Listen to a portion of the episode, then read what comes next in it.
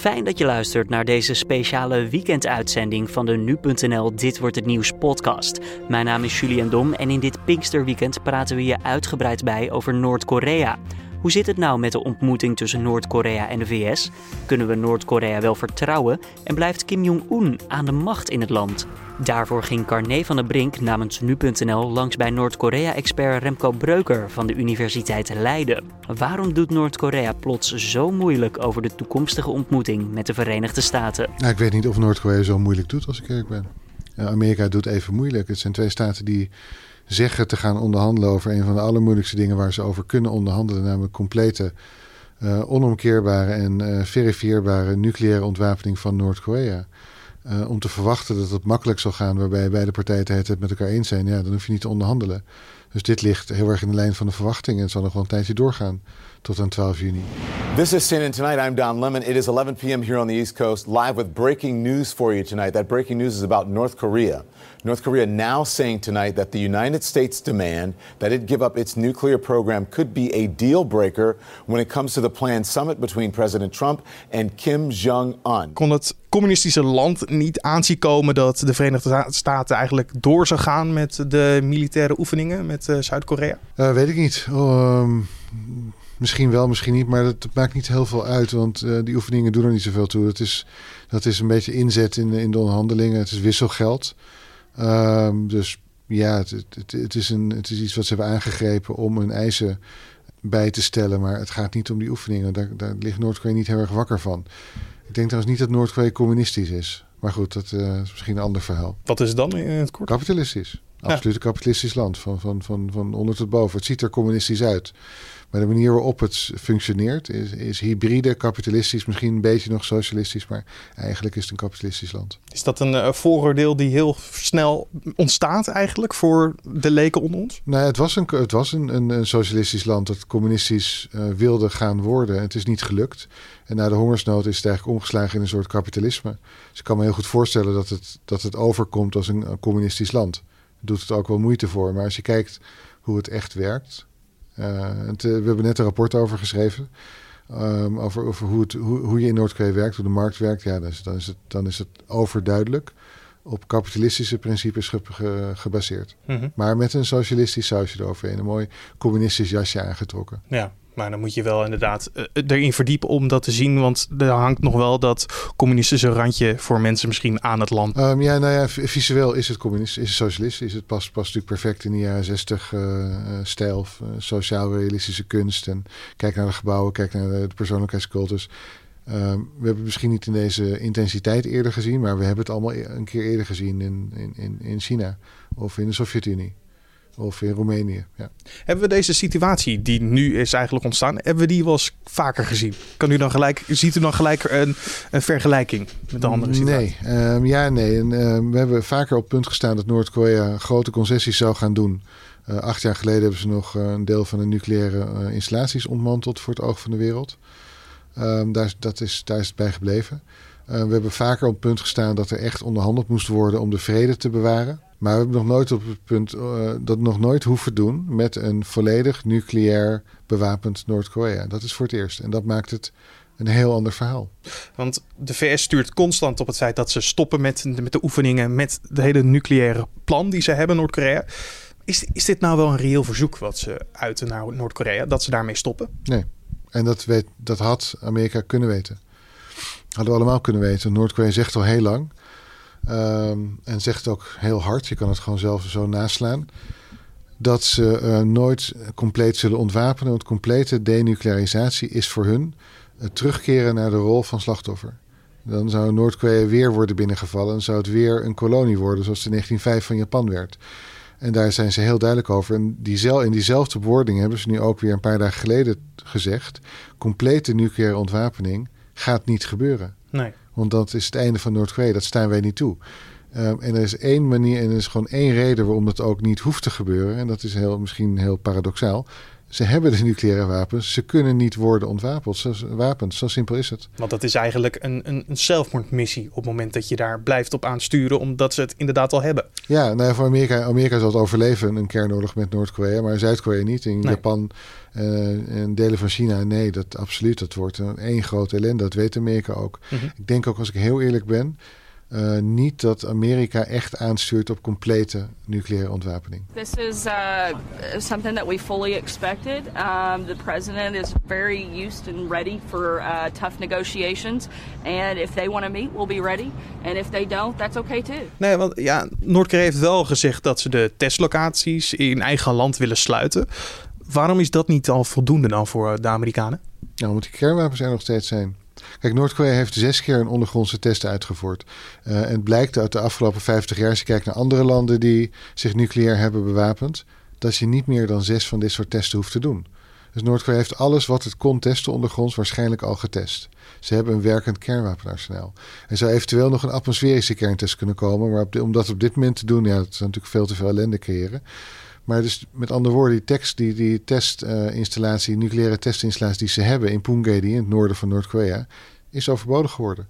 Die kunnen ze heel goed ontmantelen en dan goed tevoorschijn komen en eh, zich eigenlijk eh, van hun beste kant laten zien aan de wereld.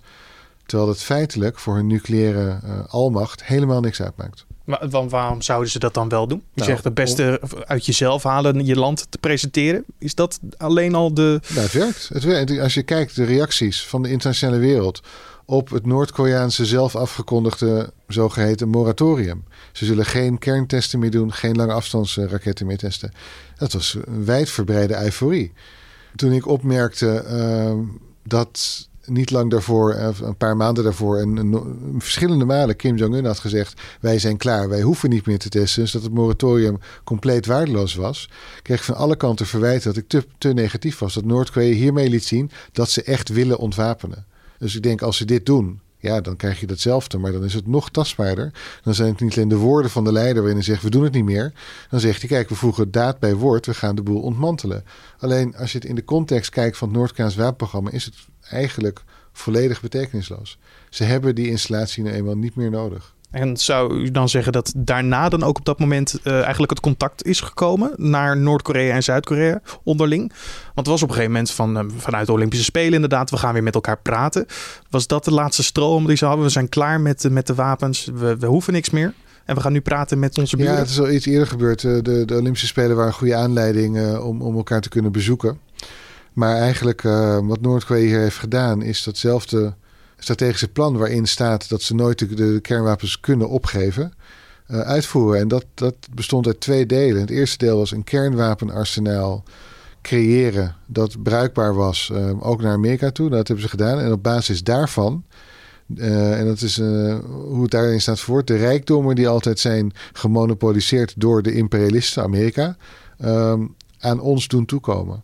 Dus dat is, dat is de volgende stap nu. Op basis van het kernwapenarsenaal moet de economie nu welvarend worden gemaakt. Nou, dat kan je niet met dezelfde dreigende taal doen als je kernwapens bouwen en je raketten testen. Dat, was een moment van dreigen. Het moest kosten wat het kost worden afgemaakt op, op, op het risico van oorlog af. En ik wil niet weten hoe dicht we daar tegen hele, hele grote ellende hebben aangezeten. Maar dat is nu afgesloten. Noord-Korea heeft niks te winnen bij een oorlog. Hadden ze toen ook niet, maar ze namen het risico wel. Want die kernwapens waren nodig. Die zijn er nu. Nu is het tijd dus om die kernwapens te benutten. En niet door ze in te zetten, niet, tenminste niet door ze af te schieten, maar door ze in te zetten um, als een soort dwangmiddel. Um, het is de kip met de gouden eieren en de gouden eieren moeten nu worden gelegd. An unprecedented moment between leaders of two nations still technically at war. Breaking news overseas. Surrounded by a swarm of bodyguards, the usually secretive Kim Jong un emerging from the northern side of the DMZ. Zou, u ook zeggen dat bijvoorbeeld uh, Kim Jong-un, de leider van Noord-Korea, ook onder druk staat vanuit het eigen land? Of? Uh, nou ja, kijk, Kim Jong-un is inderdaad de leider van Noord-Korea, maar hij is niet de enige. Het is een heel systeem. En dat hele systeem heeft al een hele tijd geleden besloten dat dit de weg naar voren was voor Noord-Korea. Waar iedereen heel sceptisch over deed. Zou het ooit lukken? Blijkt dat ze waarschijnlijk toch wel gelijk hebben gehad. Want ze hebben de kernwapens. Ze zijn niet binnengevallen door Amerika. Hoe dicht ze ook langs, uh, langs die, die rand zijn ge, gegaan daar. Uh, en het ziet er toch wel naar uit dat als de top doorgaat, dat zij daar zullen wegkomen met aanzienlijke concessies, waarschijnlijk in de vorm van sanctieverlichting en uh, economische hulp. En dat is iets wat Kim Jong-un en iedereen om hem heen wil. Mocht dit mislukken, ja, dan heeft hij wel een probleem, denk ik. Want de bodem van de schatkist is ondertussen wel in zicht gekomen in, uh, in Noord-Korea. Ik weet ook eigenlijk niet of het mogelijk is in, in het land, wat natuurlijk staat voor ook dictatuur. Is het mogelijk dat de leider dan ook onder druk staat vanuit andere ambtslieden om, om zich heen eigenlijk? Ja, zeker. Er zijn allerlei facties die om, om de macht, constant om de macht strijden. Um, en het, het, het, huis Kim, dus Kim Jong-un en zijn familie, is daarin de machtigste. Um, en ze hebben hem nodig, of iemand als hem, omdat alleen een Kim op de troon kan zitten. Maar eh, het is niet dat hij helemaal onkwetsbaar is. Dat is zeker niet zo. Hij heeft nog broers die op de troon kunnen komen. En er is vast nog ergens een neefje vandaan te, halen als het moet. Nee, dat zal hij wel voelen. Afzien, ja, ik, ik denk als ik heel eerlijk ben, als je Noord-Korea van zijn kernwapens af wil helpen, dan heb je een regime change nodig. Want het gaat nu alleen om de kernwapens, maar het echte Noord-Koreaanse probleem zit niet in de kernwapens, maar in de mensenrechten schendingen. Die ze ook gewoon vrolijk de, de hele wereld door exporteren. Kijk naar Syrië en het gifgas daar. Daar zou je iets aan moeten doen. En dat komt niet eens ter sprake, want dan praat Noord-Korea niet. Nee, dus dat betekent dat deze hele top van extreem beperkte waarde zal zijn. Geen oorlog, nou, dat is natuurlijk heel veel waard.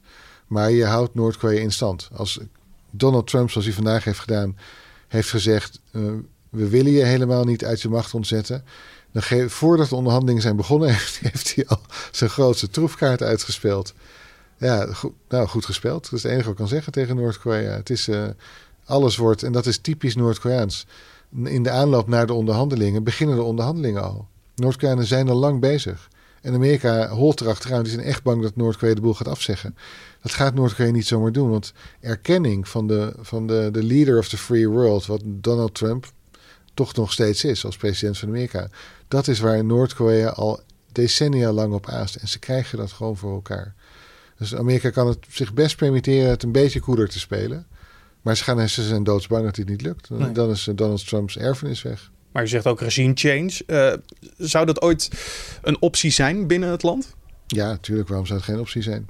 Ik weet niet hoe, hoe, de, hoe, druk daar de, de ketel ligt op de familie Kim, inderdaad. De druk uh, is vrij hoog op de familie. Uh, maar goed, het is, het, is, het is een heel systeem. En dat systeem heeft de boel wel goed onder controle. Het is niet dat, dat je morgen een Arabische lente gaat hebben, maar dan in Pyongyang. Dat, dat, is, dat zie ik niet makkelijk gebeuren. En, maar dat komt ook omdat we maar blijven praten met dit systeem. En dat moet je niet doen. Zo, er, was, er, er komt echt geen oorlog als je stopt praat, te praten met Noord-Korea. Als er oorlog komt, is het omdat Amerika een preventieve aanval uitvoert, omdat ze niet vertrouwen. Als Noord-Korea die preventieve aanval uitvoert, is het over. Weet ze zelf ook. Gaat niet gebeuren. Dus als je iets zou willen doen, dan zou je gewoon moeten praten met de gewone Noord-Koreaan. Uh, moet het uh, om het regime heen. En Als je dat niet doet. Dan moeten ze ook uiteindelijk praten, inderdaad. Want daar schort het ook aan. De kans dat ze kunnen praten, de gewone Koreaan. Nou, dat moet je dus buiten het regime omdoen. Dus dat zou, dat zou tegen de Noord-Koreaanse wet in zijn. Uh, en dat moet, moet in het geheim. Maar er zijn uh, praters met al die duizenden, tienduizenden, misschien wel honderdduizenden Noord-Koreaanse ballingen buiten het land. Stel een regering een ballingschap op waarmee je praat. Daar heb je veel meer aan. Dan kan je die druk zo hoog opvoeren dat Kim Jong-un en, zijn, en de elite om hem heen zich wellicht um, um, gedwongen voelen om op te stappen. En dan een, een, wellicht een soort uh, gouden parachute gaan uitonderhandelen. Als wij ons geld mee mogen nemen, dan verdwijnen wij naar, nou, ik noem maar land Syrië of China. En dan laten jullie ons met rust. Ja. Dat zou je goed kunnen. Maar als je blijft praten met Kim Jong-un en van tevoren al garanties geeft dat wat er ook gebeurt, wij jou niet gaan ontzetten uit de macht. Ja, dan, dan hou je dat systeem in stand. Nou, we hebben net de situatie beschreven van geen oorlog meer, um, die er dan uit zou kunnen voortvloeden. Zullen er andere gevolgen zijn, bijvoorbeeld, voor de regio? Maar als Noord-Korea weer toegang krijgt tot de internationale markt, doordat er sancties verlicht worden of opgegeven worden, ja, dan, dan uh, dat maakt ontzettend veel uit. Als Noord- en Zuid-Korea op termijn zullen kunnen worden verenigd, of ook, ook maar economisch, dat gaan China, Rusland en Japan en ook de VS wel echt wel in een portemonnee voelen. Dan, krijg je toch, dan heb je op termijn een economische grootmacht daar. Met uh, goedkope grondstoffen en goedkope arbeid in Noord-Korea en al het andere wat je nodig hebt in Zuid-Korea. Waaronder een paar van de allergrootste, uh, meest creatieve, machtigste bedrijven ter wereld. Nee, het, het, het, potentieel aan verandering is bijna zonder limiet in, uh, in Noordoost-Azië op dit moment. De vraag is of je dat wil doen of je dat wil toelaten met een regime als dit aan de macht. En mijn antwoord daarop zou gewoon heel erg duidelijk een nee zijn in hoofdletters en vet gedrukt en onderstreept met, met 100 vraagtekens of uitroeptekens erachter. Um, dat gezegd hebben, is de kans heel groot dat het wel gaat gebeuren. I think we'll probably have a very successful meeting, but we have not been told anything. Uh, we're just reading Uh, we're just reading stories like you are. We've heard certain things from South Korea, uh, but we'll see what happens. If the meeting happens, it happens. And if it doesn't, uh, we go on to the next step. If the meeting happens, it happens. De woorden van president Donald Trump hoorde je daar. En daarvoor Noord-Korea-expert Remco Breuker in gesprek met Carné van der Brink. We horen ook graag jouw mening over deze speciale uitzending. Wat vind je namelijk van een langer gesprek over één onderwerp? Laat je stem horen via redactie.nu.nl. Dinsdag 29 mei zijn we weer terug met een reguliere uitzending van de Dit wordt het nieuws podcast. En voor nu een lang en goed weekend gewenst.